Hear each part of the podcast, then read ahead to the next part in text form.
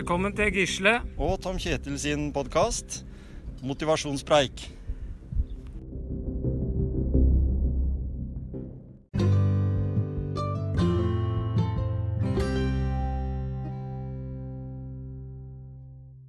Samme det.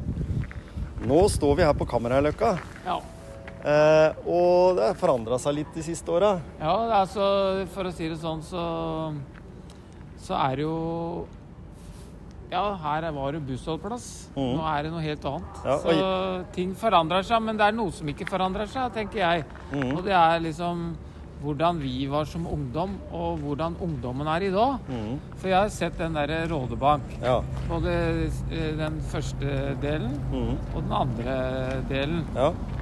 Og det er, det er litt samme tinga som, som vi opplevde, Tom Kjetil. Bortsett fra at det var, det var Vi hadde ikke den der telefonen som vi Nei. tasta De, hvis det var noen med. som delte hadde telefon, så hadde hele bagasjerommet fullt. Ja, det Ingen som hadde telefon den gangen. Nei da. Så, men, men, eh, men mye av det samme. Og jeg tenker Jeg syns det var kjempebra serie. Mm. Og jeg tenker at den passer eh, for 20-åringer, 25-åringer, 50-åringer og faktisk 75-åringer, altså. Og da tenkte vi jo det at eh, det måtte jo være kult å dra en tur innom her i Porsgrunn og snakke med Knut Inge Solbu, som er utøvende produsent for den eh, serien Rådebank. Mm. Ihuga telemarking og, og, og er jo opptatt av, av film. Så, så det kan jo være interessant å høre litt hva han eh, har å fortelle om den. Ja, Hvordan- litt om motivasjonen hans, Mm. og motivasjonen for å lage en sånn serie. Mhm. Liksom, det er jo høyaktuelt tema, da. Ja, ikke sant? Menn, eh, unge menn og eh, psykisk helse, Ja, liksom. ikke sant? Det der å Ja. Men det får vi jo høre mer om nå, Ja, da. det er det når vi vi gjør. går inn. Så da er det bare å tune inn på denne episoden. Eller Eh, fortsette å henge på, som vi pleier å si. Ja, ikke sant?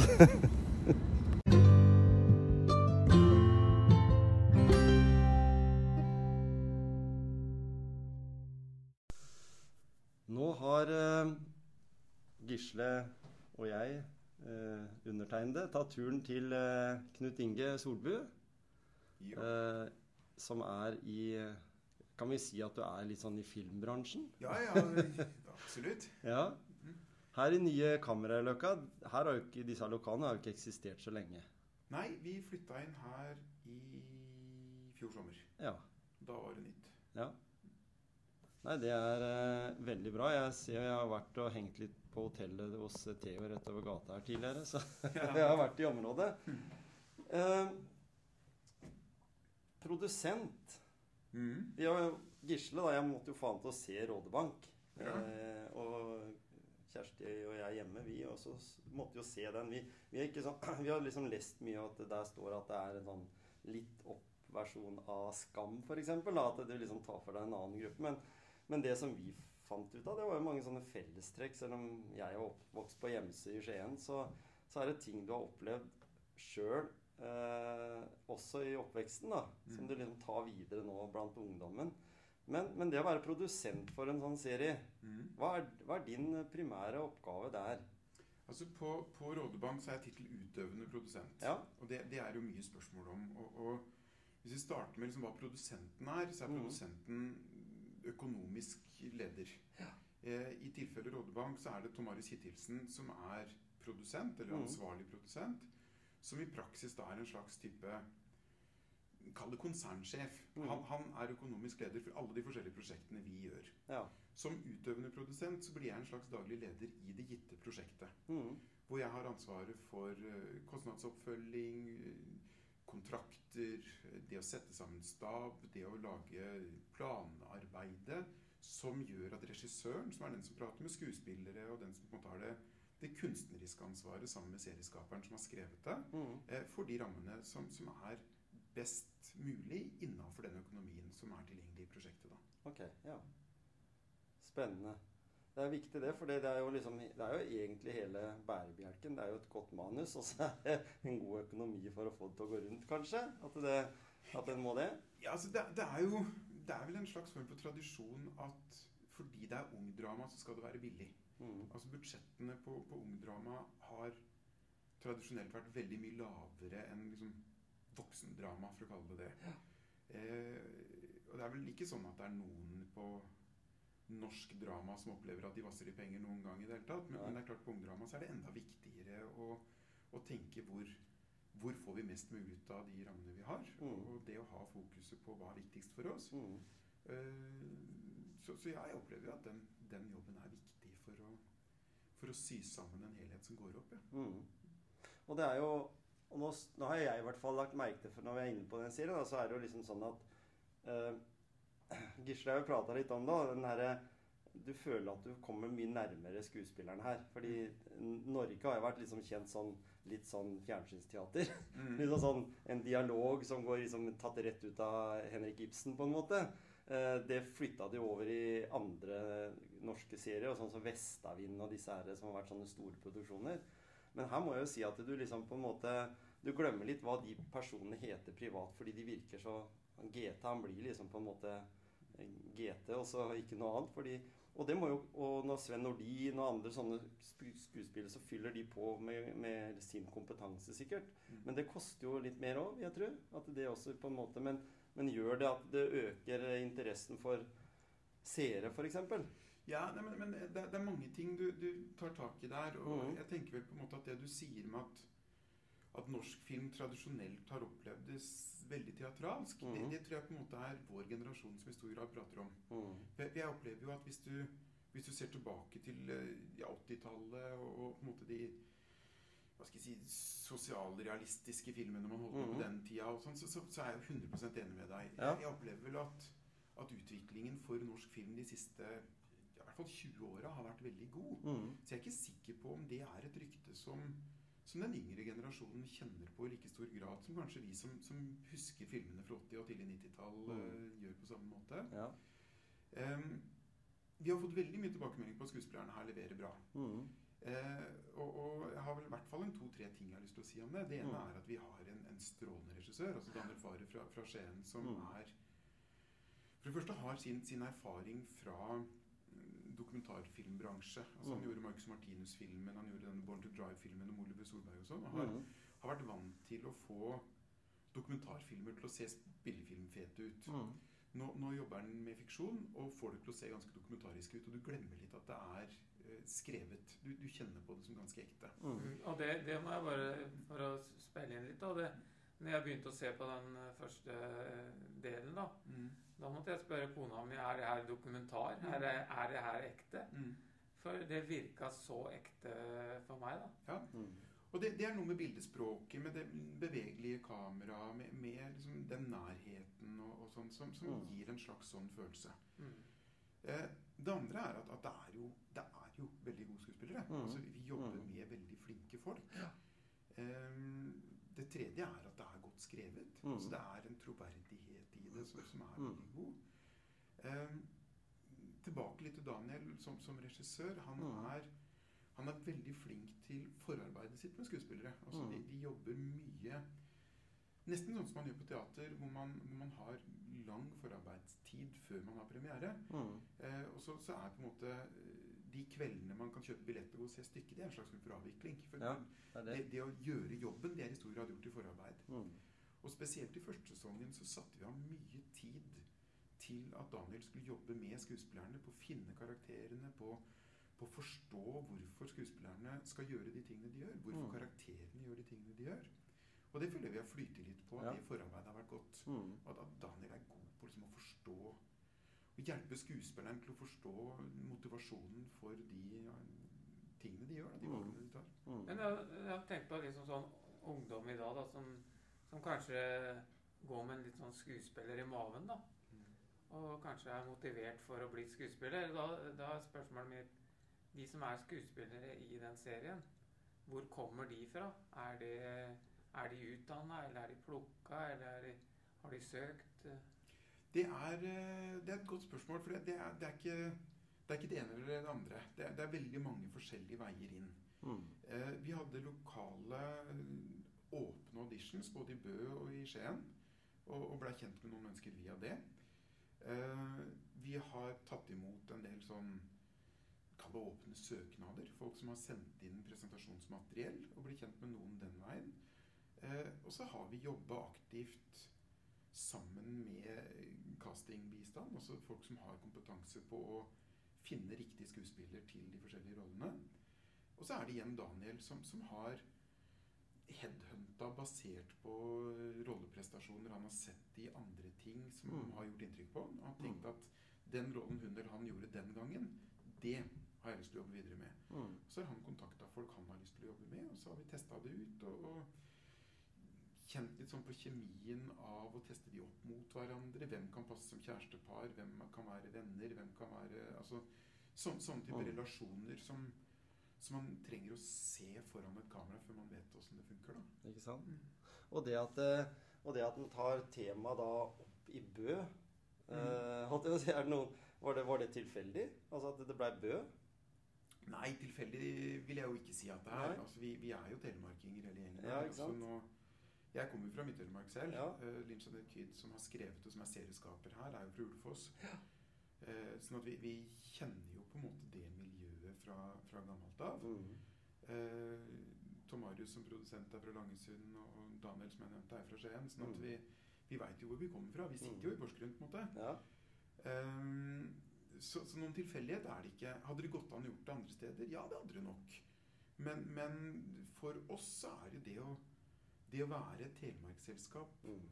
med en slags sånn, hva skal jeg si, stolthet rundt at det er det vi er, Mm. tilsier jo at vi, vi ønsker jo å finne historier vi kan fortelle herfra. Vi ønsker jo på en måte Ja, det er en del av identiteten Mm. vår. Altså, Også, jeg, har en kollega som kommer opp til Hamar-Gjøvik-traktene, som jeg jobba med på sykehuset. Og hun sier jo at eh, gjenkjennelsen er jo den samme. Det er jo den eh, Altså, eh, det er jo den For hun er jo generasjon med Daniel, ikke sant? Eller de, de som spiller i serien også. Mm. Sånn type 25-alderen. mm. Eh, Nyutdanna sykepleier, men har flytta hit for å få jobb. Eh, og sier jo akkurat det samme, at det er jo sånn de også har erfaring. Så, så du tar nok den Grunnen til at den blir så populær, og at den, den på en måte gjenkjennes over hele Norge, egentlig, er jo fordi Og kanskje til og med ut av Norge, hvis en tenker også sånne typer miljøer. At nå, eh, sånn som sånn som Skam gjorde, men også kanskje sånn som Rådebank kan, så kan den fint også gjenkjennes i Sverige. Kanskje Danmark, eh, altså flere land også, vil jeg tro. Ja, men, men, men jeg tenker jo på en måte at vi, vi har jobba med en, en veldig konkret hovedmålgruppe. Mm. Hovedmålgruppa vår er eh, rundt 20 år og i hovedsak maskulin. Mm. Og så kan man si sekundærmålgruppa er jo kjempestor. Mm. Eh, og, og jeg tenker jo at noe av det man oppnår ved å tørre å være miljøspesifikk, er at man i det spesifikke kanskje finner noe som ikke bare er nasjonalt, men, men også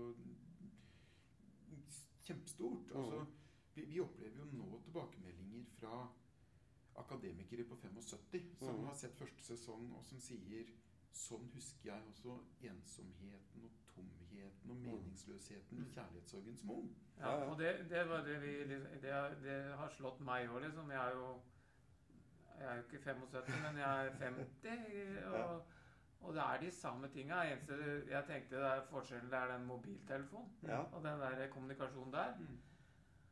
Men også da, da tenker jeg liksom hva er, hva er på en måte Ja, utgangspunktet det er kanskje for å ta det med menn, da. Eller unge menn. Og også at det kanskje er Det er jo et, på en måte et tilsynelatende macho-miljø, da. Mm. Også, også det med psykisk helse, da. Mm. Og den har jo alltid ligget der. Mm. Psykisk helse og det med kjærlighetssorg og det du sier der. Men, men det derre At den passer for flere generasjoner, kan jo også få flere generasjonene til å på en måte finne en felles arena og prate om problemet, da. For, Mm. for det er ikke noe tvil om at det, for eh, på 80-tallet så var det mye større forskjell mellom generasjonene, kanskje. Og det å prate med noen som hadde erfaring, da. Mm. At det, Ja, det, det tror jeg du har rett i. Og jeg tenker vel kanskje noen ganger at, at det er litt sånn på godt og vondt. Jeg, jeg tror jo noe av Noen ganger så tenker jeg at en av utfordringene vår generasjon har som foreldre, er at vi som foreldre er så fryktelig opptatt av å være bestevennene til barna våre. Ja, er, Og, og at det ikke nødvendigvis er det enkleste Nei. utgangspunktet, det Nei, det er- heller. Nei. Og at, at øh, det, det å på en måte finne en riktig balanse i en nærhet som gjør at man stoler på hverandre og vet at man kan ta opp ting når man har behov for det, ikke sant? Mm. ikke nødvendigvis trenger å være det samme som at man til enhver tid skal være venner. Nei, nei også, Og det- men, men liksom, jeg tenker liksom det derre Hvis du skjønner hva jeg mener? Og, ja, ikke sant? Det er veldig viktig, tenker jeg òg. Det derre ikke være kamerat der, men vite at du kan komme til når Mm. det er ting du har følelser på. da.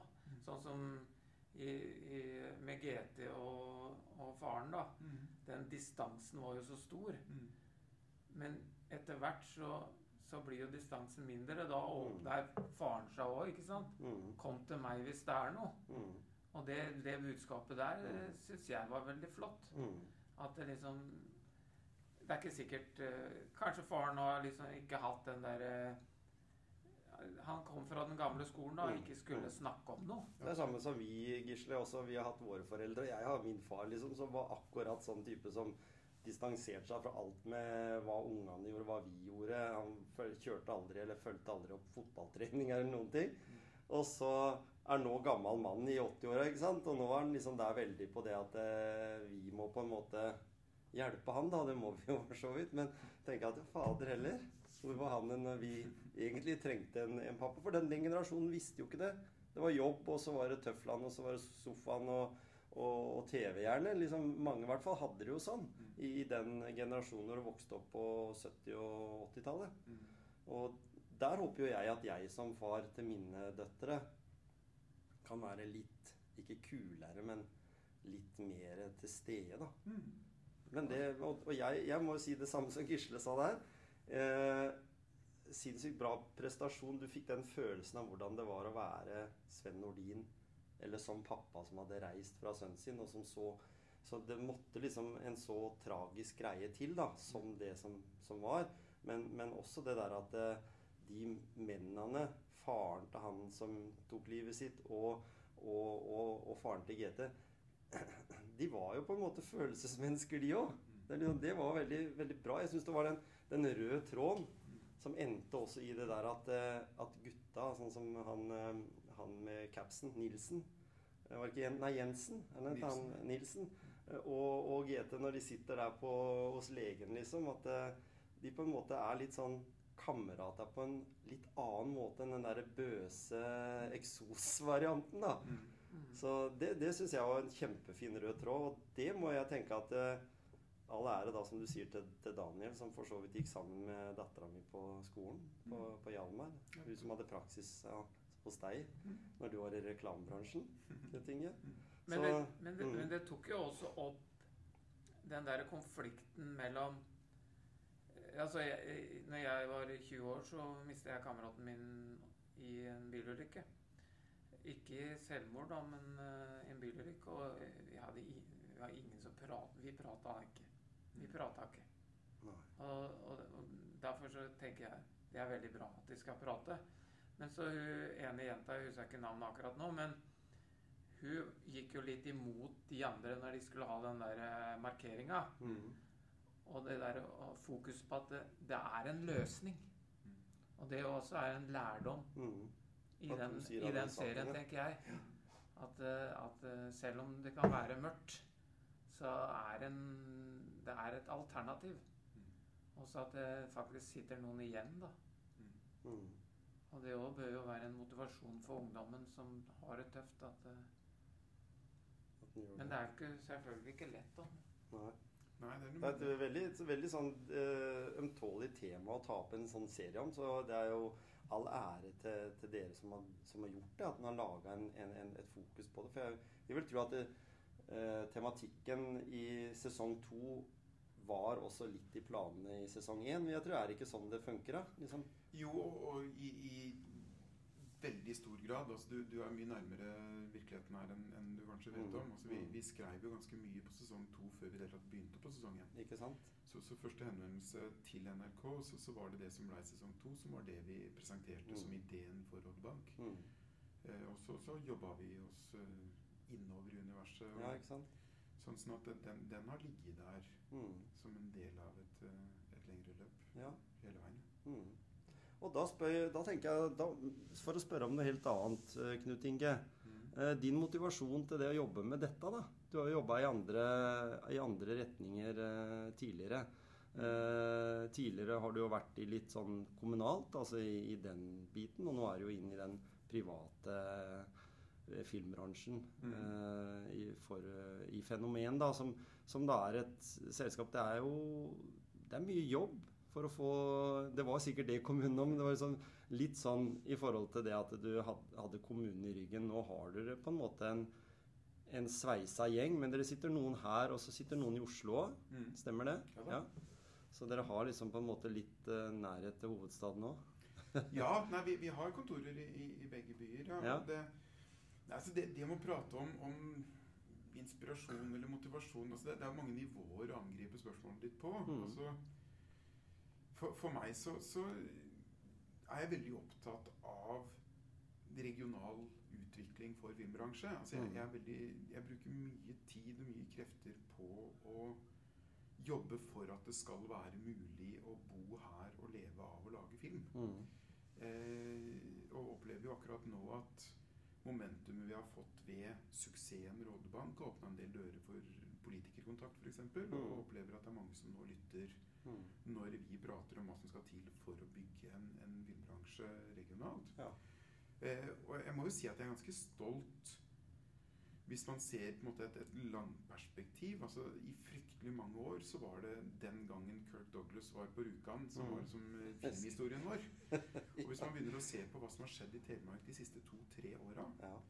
Altså med, med denne svære TV-serien 'Jordbrukerne', som nå er skutt Mm. opp i Vinje. Mm. Med, med eh, denne Klu ungdomsfilmen på Jørn Lier Horst bok, som er skutt i Langesund. Mm. Eh, det var gjort opptak til eh, en spillefilm på Notodden i fjor høst. Vi er nå i planlegging av sesong tre av Rådebank. Ja. Altså det, det, det, er, Mm. det er utrolig mye spennende på Mm. gang. Det er veldig mye fine folk. Mm. Det er veldig mye flinke folk. Altså det er en utrolig fin energi. Mm. Eh, vi ser at politikerne følger med på oss, Mm. eh, og ser at kultur ikke bare er mm, Hva skal jeg si Eller jeg kan, starte setningen på annet vis. At kultur også har næring. Mm. Altså at det, det ligger på en måte noen, noen avkastninger på mange nivåer. Altså Mm. man, man har en opplevelsesbransje som er veldig glad for at man viser fram Telemark Mm. man, man bygger en lokal stolthet i Mm. at vi, vi får fram noen gode historier og forteller dem her. Mm. Eh, Det er en økonomisk side av det. altså Det å kunne legge igjen ganske mange millioner kroner i Telemark når man lager en sesong med, med ungdrama som, som ja. Rådebank. Ja. Altså De tingene der Jeg vet ikke om det er et kjedelig svar, men, men de, de driver meg i ganske stor grad. Mm. Jeg syns det å, å bygge ting er Mm. kjempespennende. Og det, Mm. det var nok mye av den samme energien jeg kjente på i oppstartsåra på Palmespeilet. Altså, du du prata om det med å jobbe kommunalt. Ja. jeg, jeg, jeg var privilegert nok å få lov til å begynne jobben ja, som for du var første leder der. Mm. Halvannet år før huset var ferdigbygd. Ja, ikke?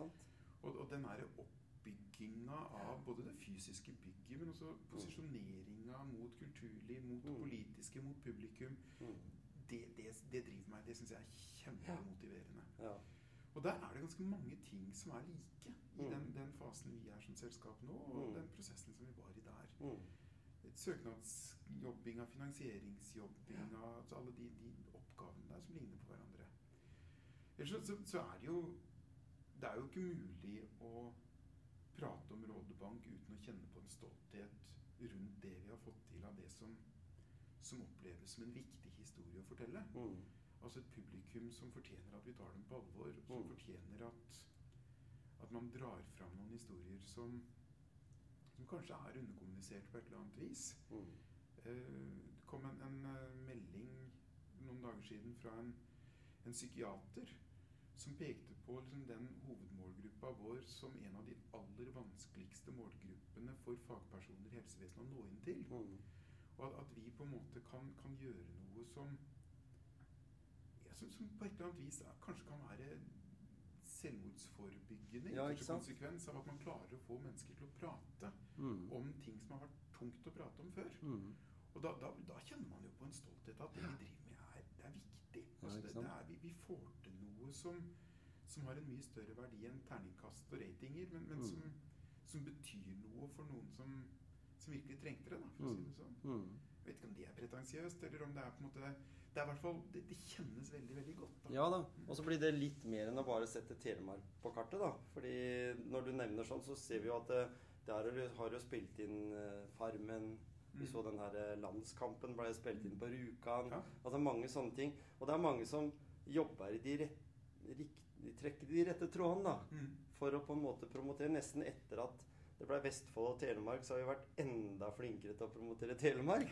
tenker jeg da. Altså sånn, fordi vi på en måte er jo Jeg føler at det er litt sånn stolthet. Jeg syns jo det er veldig kult å kalle meg for telemarking. Og spesielt hvis det er noe du kan referere til. Mm. Eh, som du kan si at det er litt mer enn bare Odd, liksom. Odd ballklubb som, som på en måte har fått mye av, av den oppmerksomheten rundt det. Og da, da har jeg lyst til å spørre, når du sier ordne finansiering fordi eh, hvis du, hvis du tar det fra idretten, da, så ringer du rundt til ulike bedrifter og spør om er du interessert i å være sponsor, liksom. Og være med på ditt og være med på datt. Og få noen sånne møter der, og, og kickoffer og sånne ting.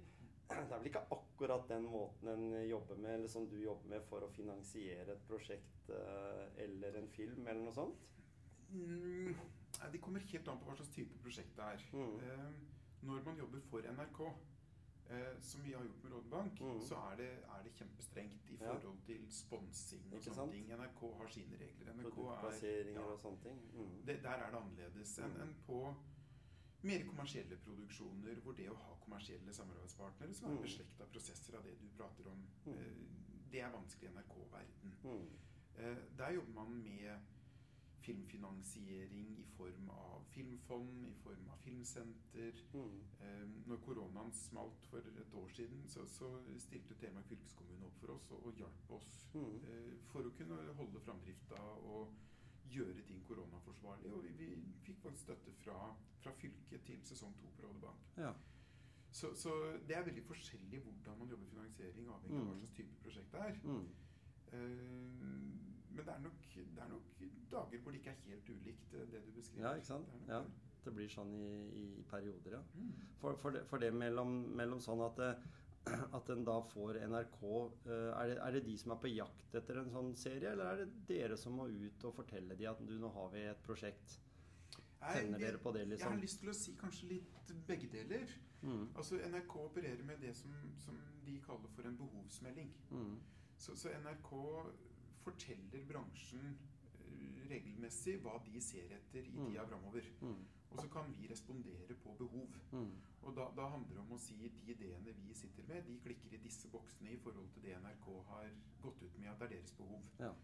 Eh, og så melder man sin eh, interesse med, med en, en presentasjon, eller Mm. det som vi da kaller for en pitch, Mm. som, som da eh, medfører at NRK enten sier 'dette har vi lyst til å prate mer med dere om', Mm. eller akkurat nå var eh, tilgangen kjempestor, og takk for eh, innsendt materiale, men det nådde ikke opp i konkurransen denne gangen. Nei, ikke sant? Ja. Eh, og så, så møtes man, og så, Mm. så, så prater man om hva man har tenkt, og så sier NRK hva med om vi Og så kan de komme litt inputs på ting, og så, Mm. så har man en sånn løpende kreativ prosess hvor man jobber dette fram med, med NRK som del av prosjektet. Mm. For det må jo være, det må jo være liksom noe av det, tenker jeg, hvis jeg hadde jobba i den bransjen, så måtte jo det, hvis du skal inn med noe, en form for serie sånn som Rådebank, da, Mm. så må jo liksom eh, NRK Statskanalen, som det fortsatt på en måte er, da, siden vi i hvert fall betaler lisens og sånn, så må det være kanskje eh, det optimale for, for en del. Jeg ville i hvert fall tenkt at jeg ville følt det som en sånn god stolthet og en motivasjon til å jobbe videre, og så og så kanskje en god, god greie å ha på CV nå, enn at du har laga det til sumo på nettbar. Liksom. Eller sumo er for så vidt bra, det òg, men, men liksom på en måte ut ifra antall seere og i det hele tatt det perspektivet som NRK dekker, da. Ja, altså ja da, jeg, jeg- skjønner hva du sier. Eh, jeg, jeg tenker nok ikke så mye på det Nei. egentlig. Altså, for det første så, så er nok min jobb som utøvende produsent mer på en måte en, en logistikkjobb hvor, Mm. hvor, hvor jeg primært jobber med gjennomføring etter at en del av de valgene er tatt. Mm. Og, og Tom Marius som, som, Tom Marius Hittilsen som ansvarlig produsent har nok mye mer av på en måte, de prosessene i sin arbeidsdag enn det Mm. jeg har. Mm. Men, men eh, det er klart at NRK står for en tyngde. Det, det er jo ikke noe tvil om det. Nei.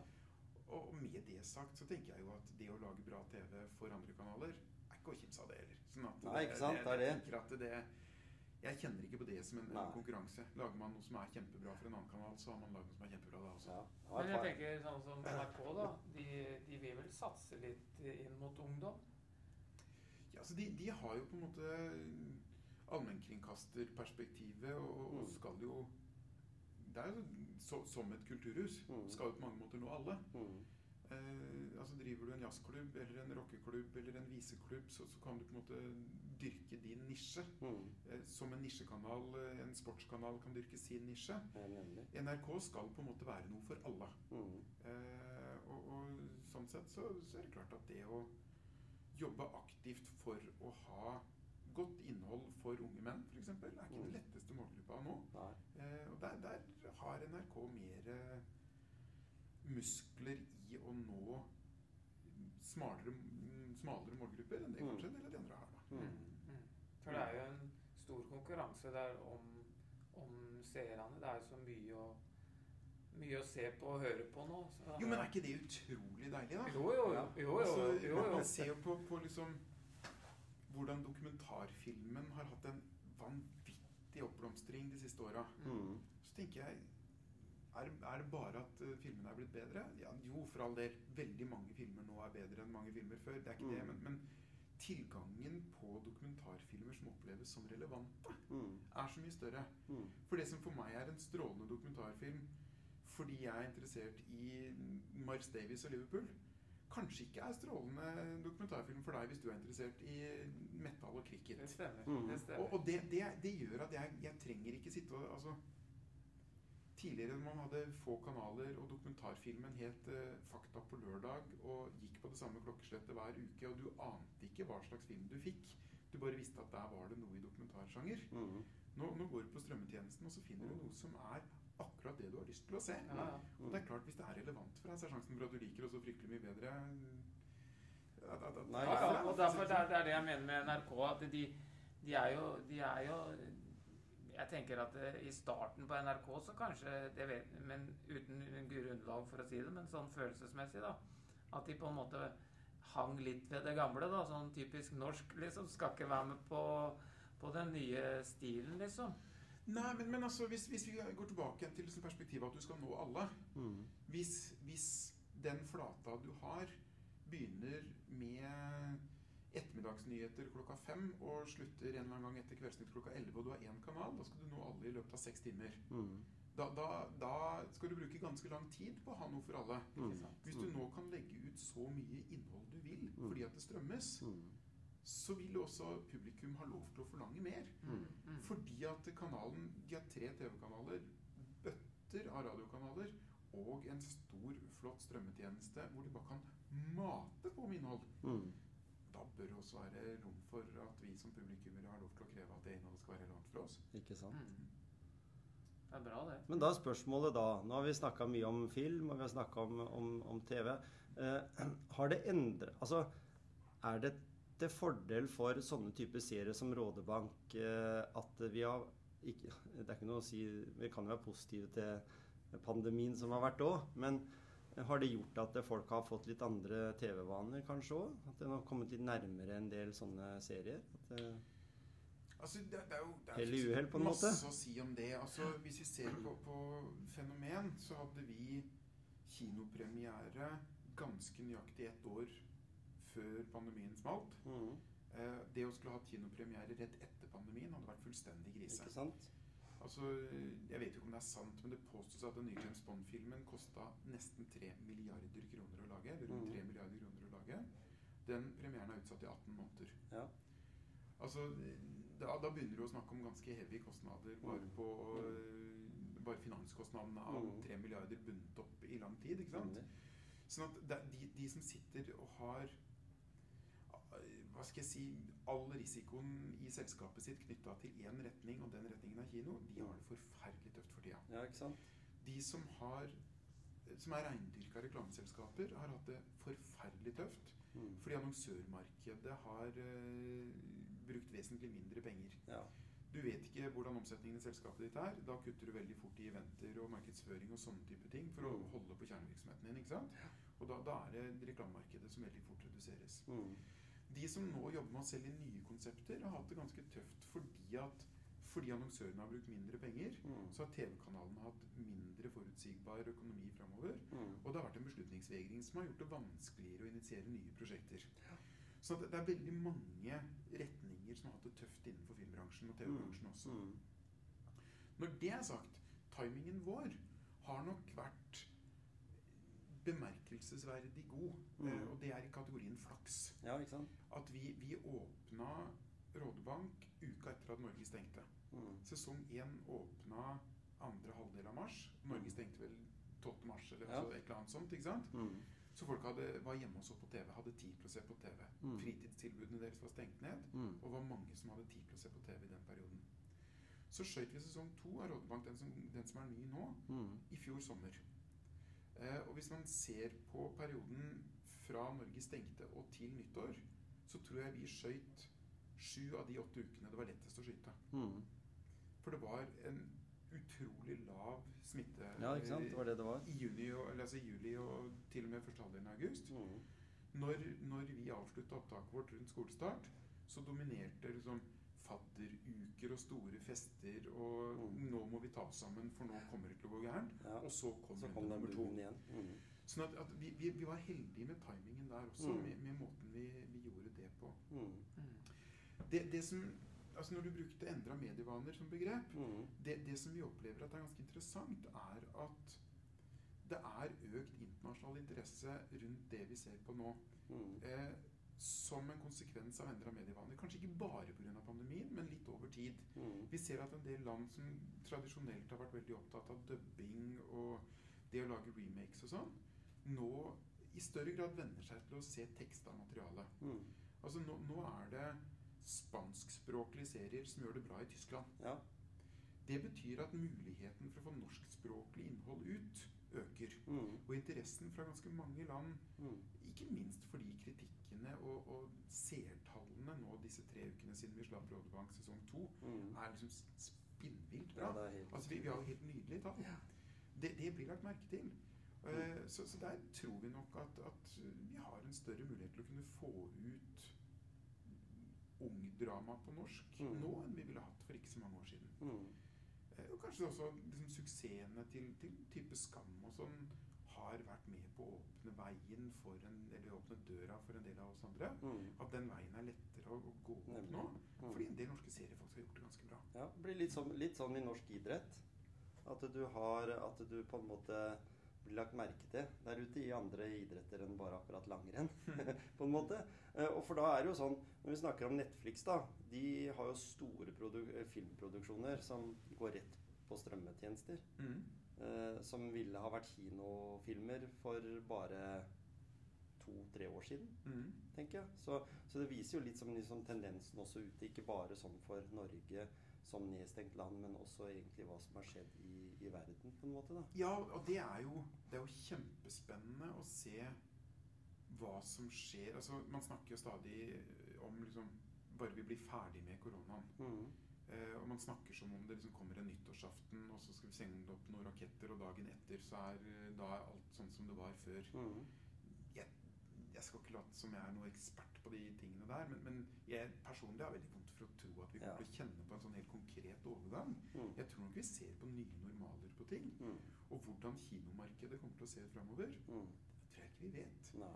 Altså Hvordan de amerikanske tunge Hollywood-studioene Mm. er i ferd med å se inntektspotensialer i strømmetjenester som kommer til å, å forandre forholdet vi har til kino. Helt sikkert. Eh, der var det mye som var på gang også før pandemien. Ja. Men at pandemien kan ha speeda opp en del prosesser der, Mm. ja, det tror jeg nok det er mange som Ja, for når du ser Disney også Når du ser Disney også kommer med egen tjeneste, og de sitter på en sinnssykt materiale som de kan pøse ut av filmer som er oppe i størrelsesorden 3 milliarder, som du sier at den James Bond-filmen eh, sikkert har vært i, da. La meg ikke være kjip det. det er jo et ryktetall. ja, det, det påstås at Men det er mye, mye, mye penger. Mm.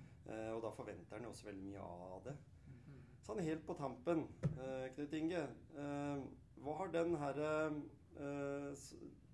pandemien, som ikke vi vil si navnet på. Hva har den hatt å gjøre for deg, da? Du nevnte så vidt når vi kom inn her at eh, du har endra litt vaner, du. For vi er jo litt Gisle og jeg, vi jobber jo mye med, med motivasjon i form av trening eller aktivitet, eller det å komme seg opp av sofaen, på en måte, da. Mm. Um, og jeg vet jo det at du er uh, iuga Liverpool-supporter. Det At ikke du hadde noen Liverpool-supportereffekter på deg da, det var vel bare egentlig Det er fordi vi er på radio, radio. Ja, ikke sant? Jeg hadde ikke tenkt at du skulle si det. Jeg kan jo late som jeg sitter her i drakt. Altså, ja. Vi er jo veldig glad for å møte på Liverpool. Ja, vi er tre, vi er tre Liverpool-supportere her. Nei, men, men altså, hva skal man si? Altså, den, den positive konsekvensen, og som jeg tror vi kommer til å ta med oss, Mm. er jeg bruker vesentlig mindre tid på møter i Oslo. Mm. Altså det, det at vi er i ferd med å venne oss til at ting som vi trengte å sitte i samme rommet for å gjøre for ikke så fryktelig lenge siden, er ting vi nå kan gjøre digitalt, Mm. det, det er en endring. Ja. Eh, og det er klart, når jeg, når jeg bor i Porsgrunn, jeg har kontor i Porsgrunn, Mm. så er det å skulle bruke Man later som det tar fire timer, fordi det, toget tar to timer. Mm. Men, men man skal til og fra togstasjonen på begge sider. Mm. Sånn at det å ha et møte i Oslo, det, det tar seks timer med logistikk i løpet av en dag. Ja.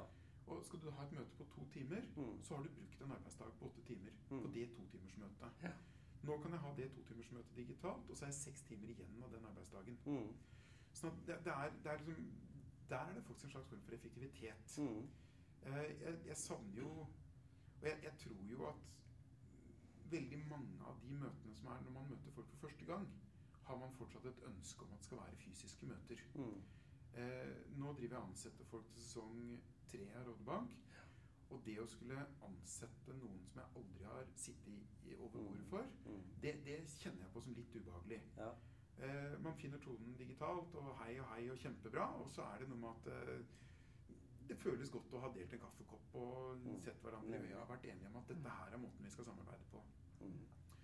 For meg sånn helt lokalt og, og, og hva skal jeg si, personlig, så, så bruker jeg veldig mye mer tid på å gå Mm. enn det jeg har gjort før. Mm. Eh, fordi jeg nå har såpass mange digitale møter, så gir jeg liksom blaffen i om det er litt svettelukt på kontoret av og til. Og jeg Mm. bor nesten fem kilometer unna kontoret, og jeg går til og fra kontoret hver dag. Ja. Har tid til en god podkast eller en god lydbok eller å høre på musikk som jeg har kontroll på både volumet på hva slags musikk jeg har lyst til å høre på sjøl. Mm. Eh, og går med treningstøy til jobb, går med joggesko til jobb og tenker at det er del av den nye normalen min. Ja. Mm. Og det, det gjør meg virkelig ingenting når det er digitale møter og, og den settingen der. Mm. Så, så der er det noen endringer. Det er klart det er det. Ja. Det å bruke nærområdet i større grad, fordi man, man har fått så tydelige anbefalinger på å reise mindre. Og at, Mm. I hvert fall de månedene hvor det har vært nærmest å være på lockdown, så, så Mm. har det vært måte nærområdene man går mest i. Mm. Eh, de månedene som det har vært mer åpent, men fortsatt stengte grenser, så, så jeg har fått med meg ganske mange flotte fjellturer i dette landet her i løpet av de, det siste året. Både med Lofoten og Stettin og Jotunheimen og Mm. ganske flotte ting vi har ikke så langt unna. for å Nei, ikke det sånn. sant? Er det. Og, og ser jo at vi planlegger litt uh, klatreturer i Norge det Mm. neste halvår òg, for å si det sånn. Mm. Og det er det, jeg, bare, Ja. jeg tenker liksom du har, du har jo et kreativt yrke. Mm. Og det er jo noen påstander om fysisk aktivitet og det å gå og sånn. At man blir mer kreativ. Kjenner du på litt av den følelsen når du går fram og tilbake til jobben? At du setter i gang noen prosesser? Nei, kanskje ikke i sånn veldig stor grad. Altså, det kan godt hende at eh, Jeg tror jeg bruker det annerledes. Eh, jeg, jeg opplever at jeg har en såpass intens arbeidsdag eh, hvor det å kunne si den gåtida ønsker jeg bevisst å bruke til noe annet. Mm. Jeg, jeg, jeg er musikknerd, eh, og jeg er glad i lister. Eh, og lager ofte sånn Dette var de ti beste konsertene, eller de 15 beste platene, eller sånn årsoppsummeringslister på Facebook og sånn. Mm. Fordi jeg gikk så mye og hadde såpass mye den tida til å høre på musikk, så blei lista mi på de ti beste platene i fjor den ble 30 plater lang. Mm. Og det er mange år siden jeg på en måte kan si at jeg har hatt oversikt over så mange plater. Mm. Eh, og det, det er liksom en greie med at der kan jeg på en måte bruker en halvtime på å gå. Det er vel omtrent en skive, da.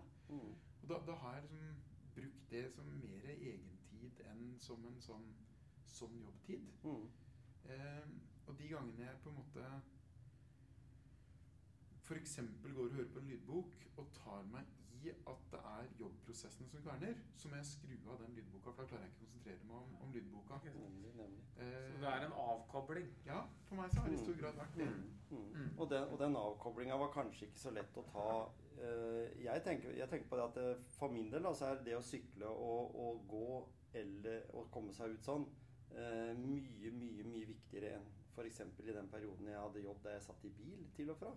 For det er den minst effektive tida du får. Det er også å sitte i bil. Jo, men, men det kan du si. Men, men altså det, det jeg tror er at um, Der det er en slags form for sammenheng, det er at og, og folk kan si sånn Jeg skjønner ikke at du har tid til det. For altså, jeg bruker jo over en time på å gå hver dag. Mm. Uh, og, og konsekvensen av det er jo på en måte at jeg kunne kanskje kjørt bil og, og brukt 40 minutter mer på å jobbe. Men, men jeg tror at det at jeg nå føler meg i helt ålreit fysisk form, også gjør at jeg får gjort mer i løpet av den tida jeg Mm. jobber, enn jeg ville gjort dersom jeg hadde kjørt. Mm. Og at, at det gjør at jeg Blir mer effektiv. det, det, men, men det, kan, det kan sikkert ha noe med at man ikke utsetter seg for bakterier på samme måte og sånn, men, men den der høstforkjølelsen som pleide å komme, hvor man alltid gikk og hangla litt og sånn, har ikke kjent på i det hele tatt etter Nei. at jeg liksom begynte å kjenne at ja, nå funker kroppen ganske bra. Mm. Mm. Eh, at, at det også kan være at man står i det på en, en måte og Mm. tåler trøkket bedre ved å være i bedre form. Da, for å si det Mm. sånn. Og, redusere, og det har jo vært forska på, det som du var inne på, Gisle. Dette her med at stressnivået blir jo på litt annet nivå når du på en måte får også den aktiviteten. da. For vi, vi er jo veldig opptatt av det, Gisle, at eh, ordet trening for mange, det er litt tungt. Det er litt sånn wow, trening, ja. Det har ikke tid til eller det. Jeg tør ikke liksom å si ja til det. Men å være aktiv, Mm. det er å gå tur. Topptur her. Uh, hive seg på sykkelen. gjøre, altså være i en form for aktivitet for å få hjertet Eller for å få pulsen litt høyere opp enn hvilepuls. Ja, er, så, så eh, er det jo noe med at jeg, jeg, jeg er veldig glad i toppturer. Mm. Og det å bare være i en, en sånn generelt ålreit form Mm. gjør at tilgangen på spektakulære naturopplevelser Mm. er ganske mye større Nemlig. enn hvis man sliter i den første kneika. Ja. Uh, og, og det så kjenner jeg på som en sånn kjempegevinst. Mm. Altså en del av de en del av de toppturene som gjerne tar eller tolv timer, Mm. som, som man står på toppen der og kjenner dette her er Det er ikke noe sted jeg heller ville vært enn akkurat her akkurat nå. Nei. De dagene betyr vanvittig mye for Mm. liksom balansen i hverdagen, for å si det sånn. Mm. Den følelsen. Ja, Ja. nydelig. Ja, Det er- nydelig. den jakter vi alle sammen. Ja. Det er noe mer. Ja, ja. Da er vi veldig fornøyd med det, vi, Knut Inge. At du vil fortelle det du har fortalt i dag. Eh, og så håper vi at eh, lytterne våre gjerne tuner inn på noen av de andre episodene våre òg, men denne episoden her, den eh, blir viktig for de som da kanskje har litt ambisjoner om å, å jobbe seg inn i film-TV-bransjen. Vi har ikke snakka så mye detaljer om det, men litt. Og så det å også fylle på med litt toppturer. Ja, ja. Ja. Og så avslutte med reklamen, for det må man jo kunne Ja, ja, ja. De som måtte ha lyst til å være med på Rådebank sesong tre, mm. der trenger vi masse biler. Ja. Og vi trenger masse statister. Mhm. Statist at fenomen.no. Mm. Si fra at du har lyst til å være med, så er det rom for å bli med. Altså. fikk vi den reklamen, og det er helt toppers. Ja. Der Ja. Så dere skal hjem og sende vel begge to nå? Jeg gleder meg i hvert fall til sesong tre. Bra.